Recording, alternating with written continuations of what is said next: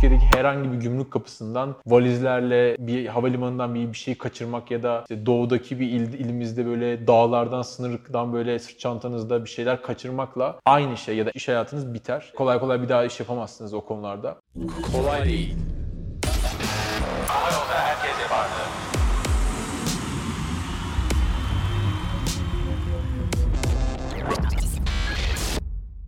İster ek gümrük olsun, ister herhangi bir vergi olsun, özellikle ithalat tarafında eee, bir vergiden hani kaçınmak veya kaçırmak diye bir konu var. Şimdi bu bir izleyici isteği olarak geldi bize. Tabii ki eee, şöyle kaç- kaçınabileceğiniz metotlar var. Örneğin siz ithalat yaparken eee, o ithalatla ilgili bir sigorta poliçesi düzenlemezseniz sizin gümrükçünüz o sigorta poliçe bedelini işte gümrük matrağının yüzde biri olarak e, deklare eder, beyan eder ve aslında total matrah büyüyeceği için daha fazla vergi ödemiş olursunuz. Burada yapabileceğiniz şey işte bir gümrük poliçesini düzenleyip binde 40 vesaire gibi e, onu beyan ederek gümrüğe sizin ithalatta ödeyeceğiniz vergiyi çok az ufak da olsa düşürebilmeniz. Bunu aslında kaçınmak diyebiliriz. Bunu tamamen legal, hukuksal hiçbir e, sıkıntısı olmayan bir şey. Keza çeşitli vergiden kaçınmakla ilgili çeşitli imtiyazlar, teşvikler var. Ee, hani bunu mali müşavirlere danışabilirsiniz. Bunların hepsini kullanarak aslında daha az ister bir ek vergi gümrükte ithalat aşamasında isterseniz e, işte e, bir kurumlar vergisine kaçınabilirsiniz. Keza işte şu an ithalat yaparken birçok kategoride e, malın bedelini yurt dışına peşin ödemezseniz devlet sizden %6'lık bir KKDF diye bir fon alıyor. Bir ek vergi koyuyor size. Onu tahsil ediyor. Yine peşin ödeyerek aslında bundan kaçınabilirsiniz.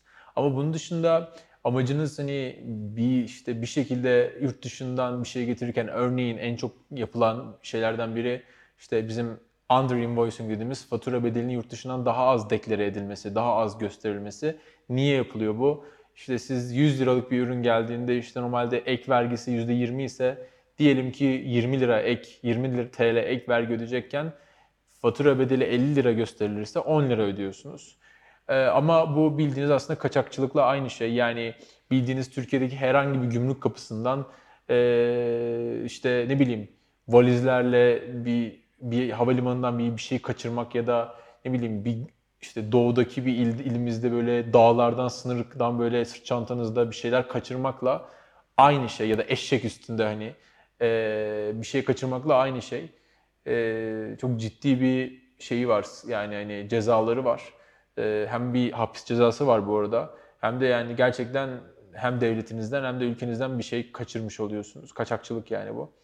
Ee, hani bunu kesinlikle tavsiye etmem.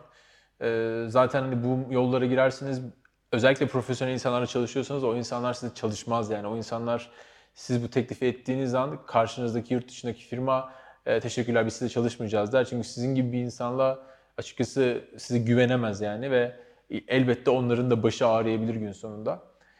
Ee, ama şöyle mesela benim hani en azından hani şöyle şeyler olabiliyor. Örneğin mesela bir ürünle ilgili ithalat yaparken menşei çok önemli. Ee, siz ek vergi ödememek için hani yapabileceğiniz şeylerden biri hani o ürünü atıyorum Avrupa Birliği'nde bir ülkeye yollarsınız. Ee, orada bir çeşitli bir işlem görür de menşei değişirse örneğin Çin değil de Almanya olursa menşei o zaman ek vergisiz gelir ülkeye ama bu gerçekten o ülkenin o ürünün tamamen değişmesi lazım. Başka bir forma geçmesi lazım. Yani yarı mamülken mamül olması lazım gibi. İşte kumaş olarak Çin'den kumaş Almanya'ya gider, Almanya'da çantaya dönüşür. O çantayı ithal ederseniz eyvallah yani bu bir Alman ürünüdür artık ama o zaman ek vergi ödemezsiniz ama işte çantayı ben ya da X şeyi Almanya'ya göndereyim.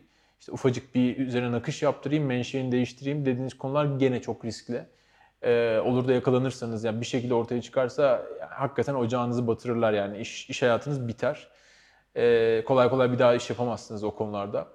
Ee, o yüzden yine tavsiye etmem. Hani bu tür şeyleri yapan bilmiyorum hiç du yani e, birkaç kişi duymuştum yani bununla bununla ilgili şeyler yapan ama e, hiç tavsiye etmeyeceğim şeyler. E, bunun dışında dediğim gibi hani bir malı şöyle düşünmeyin. Hani bir mal Çin'de üretildi, Almanya'dan getirirsem getirdiğiniz yerin bir önemi yok. o malın menşei yani üretildiği country of origin neresiyse e, onun üzerinden vergiler ödenir. E, yoksa dediğim gibi Almanya'ya gitmiş, Almanya'dan buraya direkt gelmiş hiçbir işlem görmeden o ürünle ilgili bir şeyden kaçınamazsınız ek vergilerden.